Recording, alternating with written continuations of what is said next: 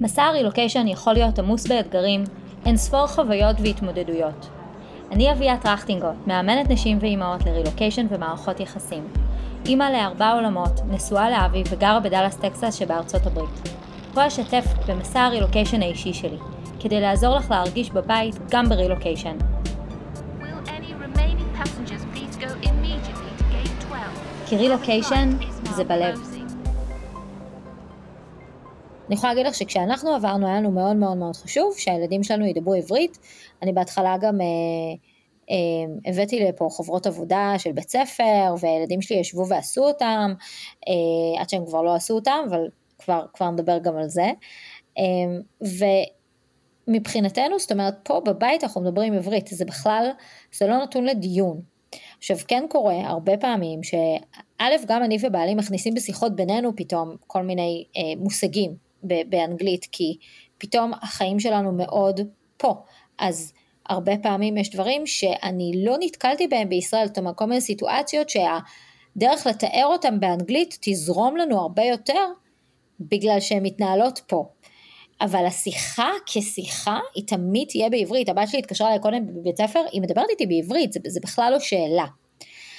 ומשהו ש, שקורה המון, וגם אני רואה את זה בקליניקה, זה בעצם אה, הורים שנכנסים לאיזשהו סטרס, שהילדים לא עונים לנו בעברית, או הילדים מדברים איתנו רק ב... רק, או הילדים מכניסים המון המון אה, מהשפה הנוספת שלהם לתוך השיח בבית, אבל בבית שלנו מדברים רק עברית. וזה מתקשר בול למה שאת אמרת קודם, כי כמו כל דבר בחיים, יש פה עניין של רווח ומחיר. ולקרוא את המפה. וזה שכל ילד שונה מהשני. זאת אומרת, יכולה, יכולה להיות משפחה שיש בה ארבעה ילדים, ושניים תהיה להם אוריינטציה שפתית, שאנחנו, זה משהו שאנחנו נדבר עליו עוד רגע, ושניים תהיה להם פחות אוריינטציה שפתית. ואז האלה שיש להם את הנטייה השפתית, יהיה להם הרבה יותר קל לדבר איתנו, לעבור ולדבר בשתי השפות, ולתאר גם סיטואציות חברתיות ב- בשתי שפות, בשפה, גם בשפה שמדברים בה בבית. ולעומת זאת ילד שיהיה לו קצת יותר קשה, זה גם מאוד תלוי גיל, אה, כן ילך יותר לאנגלית. וכאן בעצם יש לי בתור הורה את, ה, את הבחירה של, אה, יש פה עניין של רווח ומחיר, מה אני מרוויחה מזה שאני מתעקשת, זאת אומרת האם להתעקש ולא, אני, אנחנו בבית מדברים עברית, אני רוצה לשמוע אותך אומר את זה בעברית, לעומת אה, בעצם ההבנה שיכול להיות שגם אני מפסידה הרבה בתוך הסיטואציה הזאת. יכול להיות שאם הילד שלי יבין שאני מתעקשת על משהו שנורא נורא קשה לו, כשזה בעצם בדבר הבסיסי שזה תקשורת בין הורים לילדים, הוא יעשה איזשהו תהליך בראש של כאילו לייתר את האופציה לספר לי דברים, כי אני מקשה עליו. וכאן בעצם המחיר הוא מחיר גבוה מאוד, הוא מחיר שבעיניי לא שווה את הרווח בהתעקשות. באופן כללי אני חושבת הרבה פעמים בהורות התעקשות על דברים היא, היא, לא, היא לא נכונה. אה, ואנחנו לא ניכנס לזה כי זה נושא בכלל אה, שמונה פודקאסטים, אבל, אה, אבל, אבל בעניין הזה של השפה, אני הייתי שמחה לשמוע ממך מה את חושבת על המקום הזה של גם להתעקש וגם לתקן ילדים. כי מצד אוקיי. אחד המטרה שלנו היא טובה, אני רוצה שהילד שלי, הנה, יש לילד שלי פריבילגיה שאמא שלו מדברת עברית כשפת אם, היא יכולה ללמד אותו. מצד שני, האם זה נכון לתקן אותם? האם זה לא מוריד את הביטחון? האם זה לא גורם להם להרגיש כאילו, עזבי אותך, לא רוצה לדבר בכלל בעברית, כאילו, עזבי. אז כמו שאמרת, אני מאוד מתחברת לזה שיש שונות מאוד גדולה בין הילדים וגם בין גילאי הילדים, ואנחנו צריכים להיות מאוד רגישים לזה, ואני חושבת שבמקום המילה התעקשות, הייתי מדברת על בניית הרגלים. בניית הרגלים בבית, והתייחסות לדו-לשוניות כאל כל בחירה הורית שאנחנו עושים, שיש לה גם השלכות, למשל תזונה, אני אתן לך דוגמה.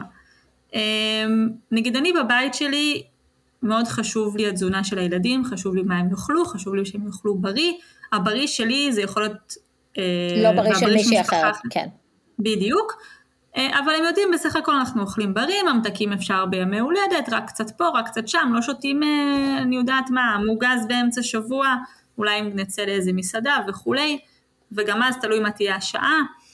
אה, סל הקניות שלי למשל בסופר הוא, הוא יחסית לפעמים יותר יקר מהממוצע, כי אני אקנה מוצרים יותר אה, בריאים וירוקות כאלה ופירות כאלה וגבינות עיזים וכולי וכל מיני קמחים מסוגים שונים. וזאת החלטה שלי מודעת וברורה לי, לבן זוגי ולילדים שאצלנו אוכלים ככה וככה ולא אוכלים גלידה למשל לפני ארוחת הערב ולא אוכלים פיצה שלוש פעמים בשבוע ויכול להיות משפחות שאצלם יש בחירות אחרות והכל בסדר. אבל דבר ראשון הבחירה הזאת היא ברורה לי, היא ברורה לבן זוגי והיא ברורה לילדים mm-hmm. וכך גם מזה נגזרים ההרגלים שאנחנו אה, מקנים להם וגם השיח איתם. אני חושבת שהשיח עם הילדים על הדו-לשוניות הוא מאוד חשוב. לדבר איתם באופן פתוח, מגיל קטן, בצורה שהיא תואמת גיל. ולהקנות הרגלים מגיל צעיר. בבית שלנו מדברים עברית. ולמה? חבר... זאת אומרת להסביר למה. ולמה? למה? עברית זאת השפה שאיתה אנחנו מדברים עם סבא וסבתא. עברית זאת שפת הלב שלי. ואם הילד יגיד אוקיי אבל זה לא שפת הלב שלי בסדר אז תספר לי מה שוב זה גם תלוי לאן תיקחו את זה כל משפחה תבחר לעצמה וגם הבחירות יכולות להשתנות לפי גילאי הילדים. נכון. ולפי אתם תבחרו בחירה אחת עכשיו עוד חצי שנה תבחנו את הבחירות שלכם ותראו האם זה מתאים או לא. לגמרי. אמ, אז לדבר שיח פתוח עם הילדים, לספר להם על היתרונות של הדו-לשוניות. על למה חשוב שהם ילמדו עברית. דרך אגב, על לקרוא, בכלל, את נכנסים למקום הזה של הקריאה, זה בכלל הם מקיזים לפעמים אה, דם, מה שנקרא, גם אנחנו, גם... וכתיבה, ובואי, כן? הילדים שלי כאילו כותבים, הרבה פעמים אני רואה, על הבן שלי נגיד באנגלית יש הרבה מילים ש, שכותבים אותם אז האותיות הן כפולות. למשל uh, getting, getting something. אז בעברית הם יכתבו נגיד פעמיים נון, או כל כן. מיני כאלה. אז כאילו כן, יש פה ממש איזשהו, ברור שזה לא רק הדיבור, זה עולם שלם. נכון. ואו שהם למשל, הרי באנג... הם יוסיפו אותיות אה, V בעברית, כי באנגלית נכון, זה כמו כל ה... נכון, עין ואלף, נכון, כן. לגמרי. כן, אבל אז התפקיד שלנו לבוא ולהגיד להם, זה בסדר, ככה כותבים באנגלית וככה כותבים בעברית. זאת אומרת, את כן, אז את כן אומרת לתקן. אני אומרת לתקן ואני אומרת במינון, אם זה בעניין השפה הכתובה ואם זה בעניין השפה הדבורה, כש, כשהילדים שלי פונים אליי, דרך אגב, כשהילדים שלי אה, פונים אליי באנגלית, זה לרוב הבת הצעירה שלי יותר, הבן שלי שהוא הגיע בגיל חמש, הוא יותר שומר את העברית, והוא mm-hmm. גם מקפיד הוא נושא דגל העברית בבית, mm-hmm. וכשהבת שלי פונה אליי לפעמים כזה באנגלית, אז לפעמים הוא יזכיר לה שמדברים בעברית בבית, mm-hmm. לפעמים אני אזכיר לה, לפעמים אני אחזור אחרי התוכן שהיא אמרה בעברית. עברית, זאת אומרת בלי לתקן כן, אותה, אלא פשוט, כן. זה לא תיקון, זה כמו אישור לתוכן, בדיוק. פשוט בעברית. אז כן. וככה היא מקבלת את האוצר מילים בעברית, ואני לא, לא עשיתי איקס על מה שהיא אמרה. אני להפך ביקשתי כמו אישור. כן. או המשכתי את השיחה, למשל. אה, וגם המינונים חשובים, היום בדיוק ייעצתי למישהי ששאלה אותי את אותו דבר, האם כל פעם שהיא עונה לי בהולנדית אני אחזור אחריה בעברית וכולי? אמרתי לה לא, לא כל פעם, רוב הפעמים, אבל בצורה מאוזנת, שהיא לא תרצה להפסיק לדבר איתך. בדיוק. שזה יהיה בתוך השיחה, שזה יהיה בתוך אישור לתוכן שלה. אה, אנחנו יכולים גם להשתמש בכל מיני אסטרטגיות, אפשר, אנחנו יכולים לשאול אותם שאלות ברירה, נגיד אתה רוצה לערבב או למזוג, אתה רוצה חביתה או מקושקשת, אז הם יענו לנו בעברית. כן. וכולי. שיש פה גם את האלמנט של החשיפה. בדיוק. אני יכולה להגיד לך שאני גדלתי אה, לאימא שדיברה איתנו בשפה די גבוהה. והבנתי את זה רק בתור ילדה יותר גדולה. תמיד היינו צוחקים עליה, שהיא אבשלום קור. והיום אני משתמשת במילים האלה. ואני יכולה להגיד לך שהבן שלי לפני כמה זמן, שהוא אה, אה, מהקטנים יותר, אז בעצם העברית אצלו אה, פחות, אה, זאת אומרת הוא מדבר עברית, הוא מדבר עברית לחלוטין, אבל היא פחות אה, דומיננטית מהאנגלית אה, בפער. אה, שאל אותי איזה משהו ואז עניתי לו ואז הוא אמר לי אה את רק רוצה לוודא עכשיו בואי למישהו שגדל בישראל לוודא זו מילה מאוד בסיסית למישהו שגדל באמריקה אני חושבת ש... שכאן באמת מי שמקשיבה והיא ברילוקיישן מאוד תתחבר לזה, זאת אומרת לוודא זו לא מילה מובנת מעליה להגיד אותה. נכון. ו- ואני כאילו אמרתי בלב וואלה, כאילו, וזה משהו ש- שמאוד חשוב לי להגיד בהקשר הזה, ש- של הרבה פעמים אנחנו באופן כללי, לא רק בעניין של השפה, אבל בעניין של השפה, כשאנחנו מדברים על דאגה, זה מאוד בא לידי ביטוי של מה יהיה, הילדים שלא ידעו עברית, מה הם ישכחו את השפה, הם לא ישכחו את השפה. זאת אומרת, גם אם מרגיש לנו שהם פחות מדברים איתנו בעברית, ברגע שאנחנו מדברים איתם בעברית, זה נספג, וזה נמצא שם. וגם ככל שילד יותר צעיר, אמ, אז זה נספג יותר טוב. אבל גם בהקשר הזה של, שנייה רגע, אין מה להיכנס להסתער על הדבר הזה. אמ, הדברים נכנסים בסופו של דבר. יש לנו איזשהו קטע כזה של כאילו אנחנו נורא רוצים לראות תוצאה כאן ועכשיו ואתמול. זה לא קורה, זה לא עובד ככה בחיים, זה בטח לא קורה ככה עם ילדים. ואנחנו צריכים, כמו שאמרת בתחילת השיחה שלנו, עבודה עם ילדים דו-לשוניים, לקבל החלטה שאנחנו מגדלים ילד דו-לשוני זו עבודה. וזה מרתון, זאת אומרת זה מרוץ למרחקים ארוכים, זה לא משהו שאנחנו נראה את התוצאה שלו עכשיו, הרגע. התייחסת לכל כך הרבה דברים חשובים, שרציתי גם לחדד אותם. אה, דבר ראשון דיברנו על אוצר מילים, את אמרת שהבן שלך אמר לוודא, ואמרת וואו איזה כיף שהוא ספג את המילה הזאת והוא משתמש בה. האוצר מילים זה דבר שתמיד נצטרך להקדיש לו זמן ומשאבים והשקעה בכל השפות אליהן הילדים שלנו חשופים. לכן, ודרך אגב, דיברנו גם על איך ילדים רוכשים שפה, על ידי אינטראקציה, דיברת על לדבר, על ידי אינטראקציה טבעית, על ידי שיח, על ידי משחק, על ידי סיפור. כן, אפשר להכניס טלוויזיה, זה נחמד. לא שם נרכשת שפה, mm-hmm. זה לא חודר מספיק. זה, זה יפה, זה נחמד, אני שומעת, אני מכירה, כן, אה, הבן שלי למד ככה וככה אה, מבובספוג, זה אחלה.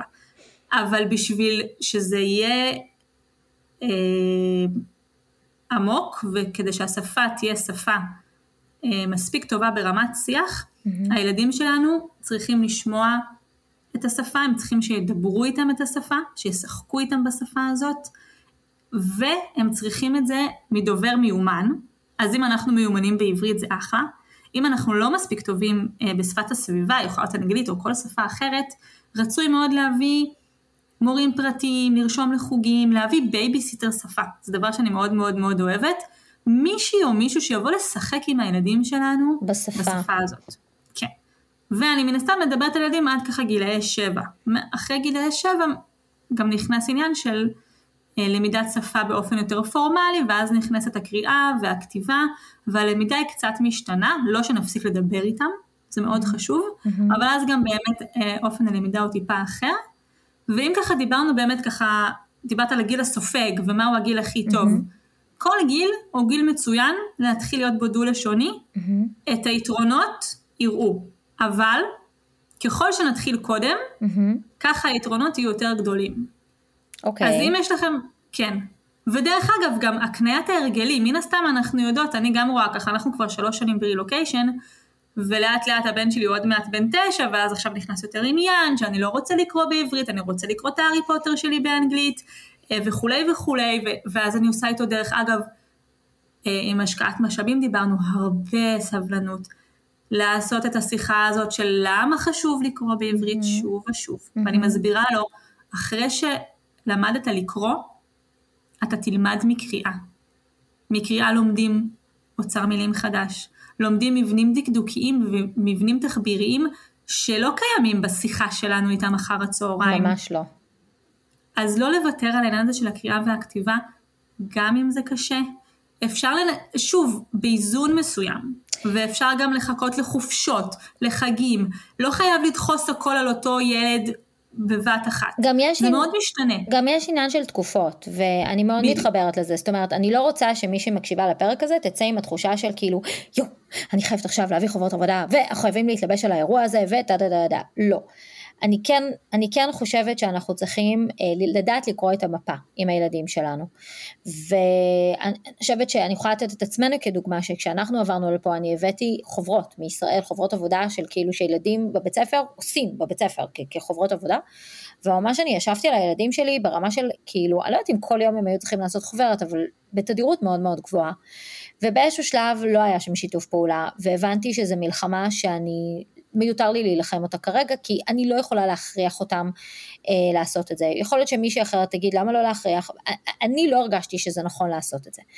ו, ואז לאחרונה, אה, מהמורות שלהם לעברית הגיעה אה, שאלה, אם הם עובדים בבית בעברית כי הם יכולים יותר. ושנותנים להם בבית ספר ולעשות דברים, אבל הם לא מספיק מאותגרים. ואז חיש קל, גייסתי אותם לטובת האירוע הזה, הם כבר יותר גדולים, אני מדברת על שני הגדולים שלי, ו, וגייסתי אותם. עכשיו, אני חייבת להגיד שלא שניהם התגייסו באותה מידה, אבל גם זה נורא תלוי ילד, יש ילד שיש לו אה, משהו אחד שהוא מהווה אה, תמריץ, ויש ילד אחר שמהווה משהו אחר. ואני כן יכולה להגיד שעשיתי דיל עם הבן שלי. אה, על, אה, על החוברות האלה, אה, ואין לי שום בעיה עם זה, זאת אומרת, אני, אני חושבת שזה בסדר גמור. כל אחד ומה שמתאים לה במשפחה שלה, וכשהוא עושה את החוברות האלה הוא סובל. אוקיי, בואו, לא, זה לא כיף לו. זה לא, הוא היה מעדיף לשחק את Fortnite או כדורסל או אה, לראות טלוויזיה, כל תוכנית אחרת. אבל זה גם מתקשר לזה שאת אומרת שזה, שאמרנו שדו שפתיות זה עבודה, אה, זה עבודה לא רק בקטע הזה של לשבת להם על הראש במרכאות שישבו ויעשו את זה, אלא זה גם עבודה בהיבט הזה שאנחנו צריכות רגע לדעת לקרוא את המפה ולעשות את זה נכון. אה, ואני רוצה גם להתייחס פה אה, למשהו ש... ש... הרי היו כל מיני שאלות, אה, אחת השאלות הייתה אה, מה עושים במקרה וההורה אחד הוא דו-לשוני, אז הוא מדבר את שפת המקום, הורה שני מדבר עברית והילדים נחשפים בעצם רק לשפת המקום. איך בעצם מגשרים על הפער הזה? אה, מה, מה עושים במקרה כזה? זאת שאלה מאוד חשובה. ואנחנו צריכים תמיד לזכור את כלל האצבע, שכדי לבסס שפה ברמת שיח צריכים 30% מזמן הערות של חשיפה. זה כלל האצבע מאוד חשוב, מינימום של 30% לחשיפה ברמת אינטראקציה, חשיפה טבעית ומשמעותית ברמת אינטראקציה בשיחה ומשחק וכולי, בגילים היותר גדולים גם קריאה וכתיבה, mm-hmm. כדי לבסס שפה ברמת שיח. עכשיו, כשיש שתי שפות, אמ, לרוב נגיד שפת הבית, שפת הסביבה, זה משהו שיהיה יותר קל, זה מתחלק כמעט 50-50, לא תמיד כי בעצם שפת הסביבה קצת יותר, אבל יש לנו את ה-30 אחוז, אם נתייחס לסופי שבוע, כשאנחנו מבלים יותר זמן עם הילדים שלנו וכולי. וכשבאמת יש את נושא הדגל אה, היחיד שמדבר עברית הוא בעצם אחד, mm-hmm. ובן הזוג אה, מדבר לצורך העניין בשפת הסביבה, וגם בין, בין בני הזוג, או שיש שפה שלישית שהיא אנגלית, אם אנגלית היא לא שפת הסביבה, או שגם באמת יש ביניהם אנגלית, יש ככה נושא דגל שהוא יחיד. Mm-hmm. נושא הדגל הזה, דבר ראשון, צריך הרבה תמיכה מבן הזוג. Mm-hmm. אני זוכרת שהיו לי ככה הורים בהדרכה, הם גרו בגרמניה, האבא דיבר גרמנית, האמא ישראלית, אבל היא ידעה גרמנית מספיק מצוין בשביל לדבר עם הילדים בגרמנית ועם האבא בגרמנית, והיא הייתה נושאת הדגל היחידה. ובהדרכה שלי אליהם שלחתי אותם דבר ראשון לדבר אחד עם השני ולהבין האם עברית זה משהו שהוא חשוב לכם. עכשיו, בשתי סיבות. א', זאת שפת האם של האימא ושורשים וזהות וכולי, יש פה אבא ויש פה אימא, יש פה שתי שפות ו- ויש פה שתי זהויות שבעצם אתם בניתם יחידה משפחתית שכוללת שתי שפות וכוללת שתי זהויות נקרא לזה ומסורות, mm-hmm. שזה דבר מאוד יפה. Mm-hmm.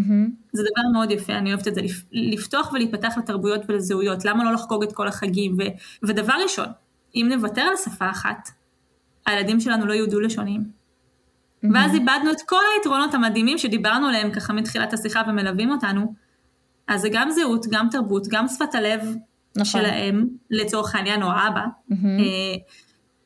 וגם היתרונות של הדו-לשוניות.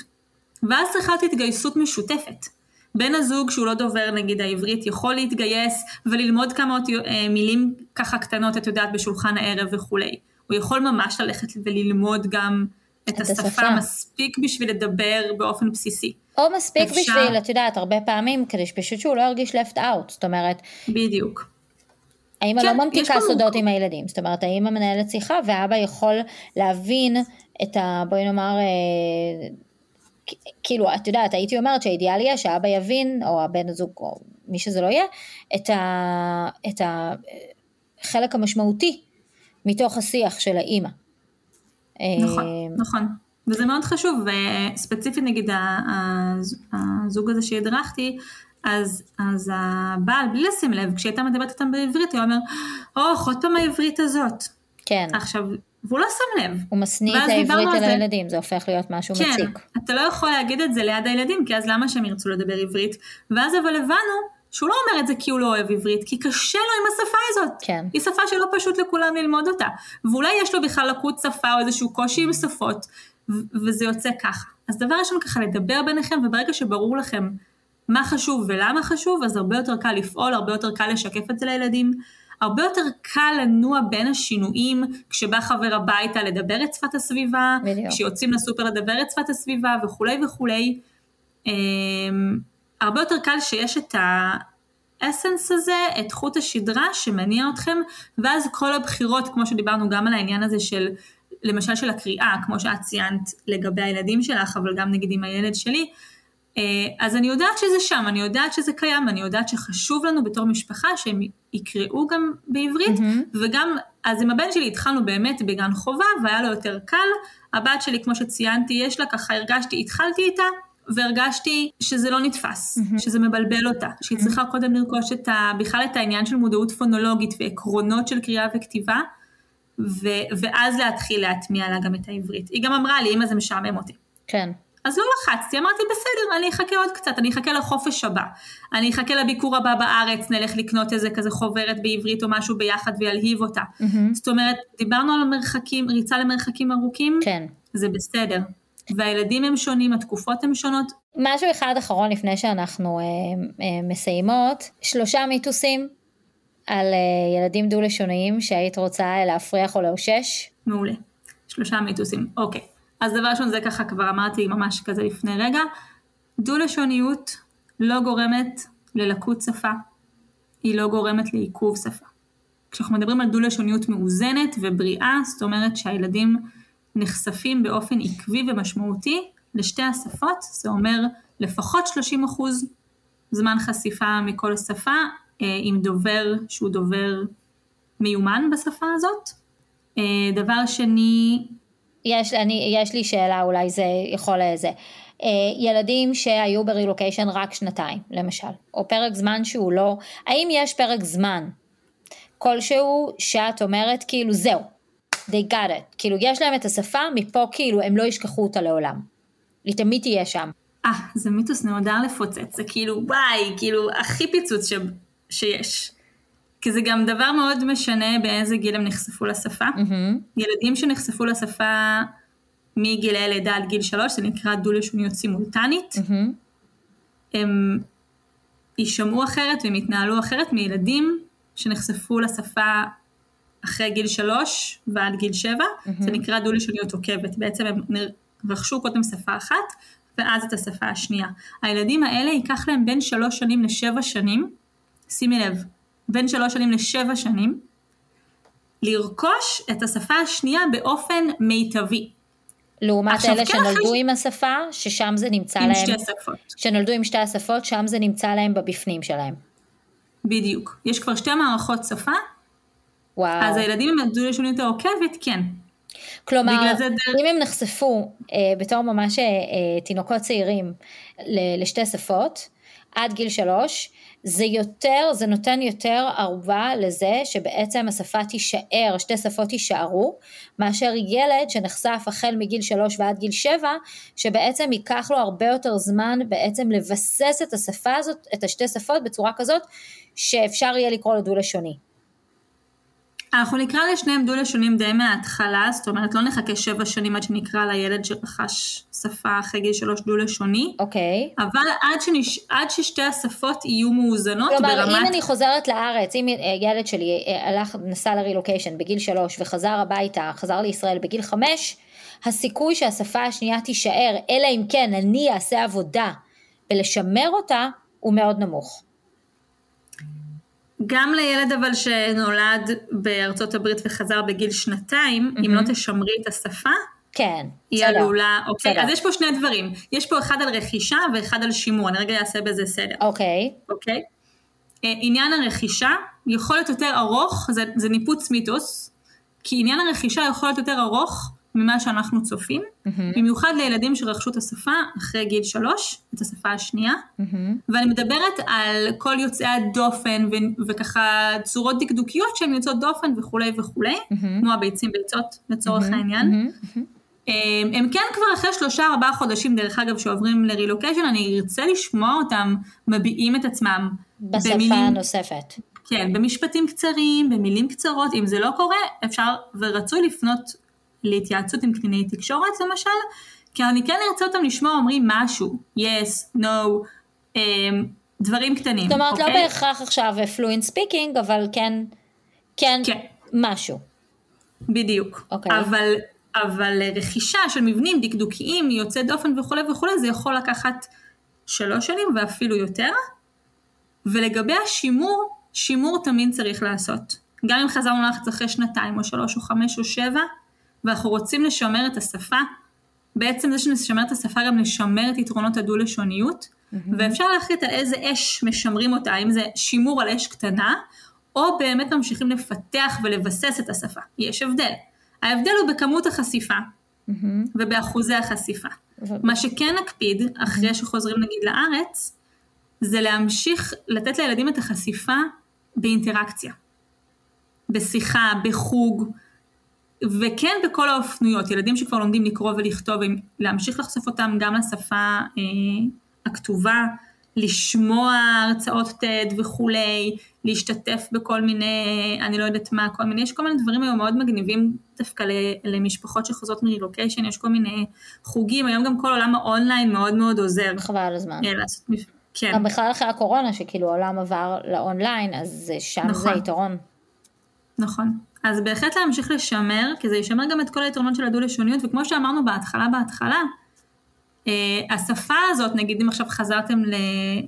לארץ ואז השפה העברית היא הדומיננטית, והאנגלית או הצרפתית או הספרדית, לא משנה מה, תישמר על אש יותר קטנה, היא עדיין תהיה שם. מהמם. וכשהם יטוסו לטיול שלהם אה, הגדול בדרום אמריקה, הספרדית תצא והם יוכלו להתנהל שם יופי. וכשהם ירצו לעבוד באיזה חברת הייטק ב... במקום אחר, הם יוכלו להשתמש בשפה הזאת. כן. זאת אומרת, זה שם. תמשיכו לשמר, תמשיכו לעבוד, תמשיכו להשקיע, זה משתלם. גם אם אתם לא רואים את הפירות מיד ביום למחרת. מיתוס אחרון, אה, האם יש דבר כזה שנקרא אה, אוריינטציה שפתית? ילדים שיש להם נטייה יותר לקלוט שפות, לעומת ילדים שיש להם פחות נטייה לקלוט שפות, ועל מה זה יושב? או, זאת שאלה ממש גדולה שאפשר לפתוח עליה פודקאסט שלם, אבל אני רק אענה בכן. יש מן הסתם, יש ילדים שיותר קל להם אה, לרכוש שפות, יש גם ילדים שמתחילים לדבר בשלב יותר מוקדם, שהמודעות הצלילית שלהם היא גבוהה. היא, היא יותר גבוהה. בדרך כלל יש הלימה בין מי שמתחיל לדבר יותר מוקדם למי, ש... למי שיש לו נטייה לקלוט שפה יותר מהר? לאו דווקא, לאו אוקיי. דווקא. לפעמים כן, לפעמים לא, זה לא משהו לאו דווקא. אבל בהחלט יש את הדבר הזה, אבל אני הייתי, הייתי מתייחסת לזה בתור להמשיך לחשוף ילדים עם, כמו שאת אומרת, אוריינטציה פחות שפתית, להמשיך לחשוף אותם יותר, לתת להם יותר חזרות, יותר אמצעים. גם ילדים עם לקויות שפה, גם לילדים עם לקויות למידה, יותר קשה להם, אבל יש ללכת לאנשי מקצוע שיודעים איך לעבוד איתם, שיודעים איך לתת את ה... לגשת דרך הדרך הצלילית, לגשת דרך דרך אחרת, יש עוד המון שיטות. אה, ללכת לאנשי מקצוע מיומנים שיודעים לעבוד, אה, דבר ראשון בשפה אחת, דרך אגב כשילד לומד אה, אסטרטגיה שפתית נקרא לזה, או אסטרטגיה קוגנטיבית ללמידה, אם זה ללמידה של אוצר מילים, למידה של קריאה וכתיבה, הוא יכול להשליך את זה גם על השפה האחרת. כשאנחנו מקדמים שפה אחת, גם השפה השנייה תתקדם, כי אנחנו בעצם מדברים פה גם על, על יכולות קוגנטיביות, כן, שהן בבסיס היכולות השפתיות. כן. וואו, אוקיי, טוב, אני מרגישה שיש לנו עוד כל כך הרבה מה לדבר, ואנחנו מדברות מעל שעה. תודה רבה, אנחנו נסיים בזה. אמ, כל מי שרוצה או רוצה אה, ליצור קשר עם רותם, אה, אני אשאיר את הפרטים שלה בפרטים של הפרק, אה, ואפשר ליצור איתה קשר. ואני מאוד מקווה שענינו על מרבית אה, הנושאים ששאלתם אותנו. אה, וזהו, וניפגש אה, בפרק הבא. אה, שתפו אה, חברים וחברות, או כל אחד שחושב שזה יכול אה, אה, לעזור, שהתכנים שלנו אה, יכולים אה, לעזור ולתת אה, מענה. אה, וזהו בינתיים, ביי ביי. אני אבקש שתיקחי לך רגע ותחשבי, מה את לוקחת מהפרק? תרגישי חופשי לשתף אותי בתובנות ובמחשבות, כמו גם לשתף חברות שיכולות להתערם מהפודקאסט. תודה רבה, וניפגש בפרק הבא של רילוקיישן זה בלב.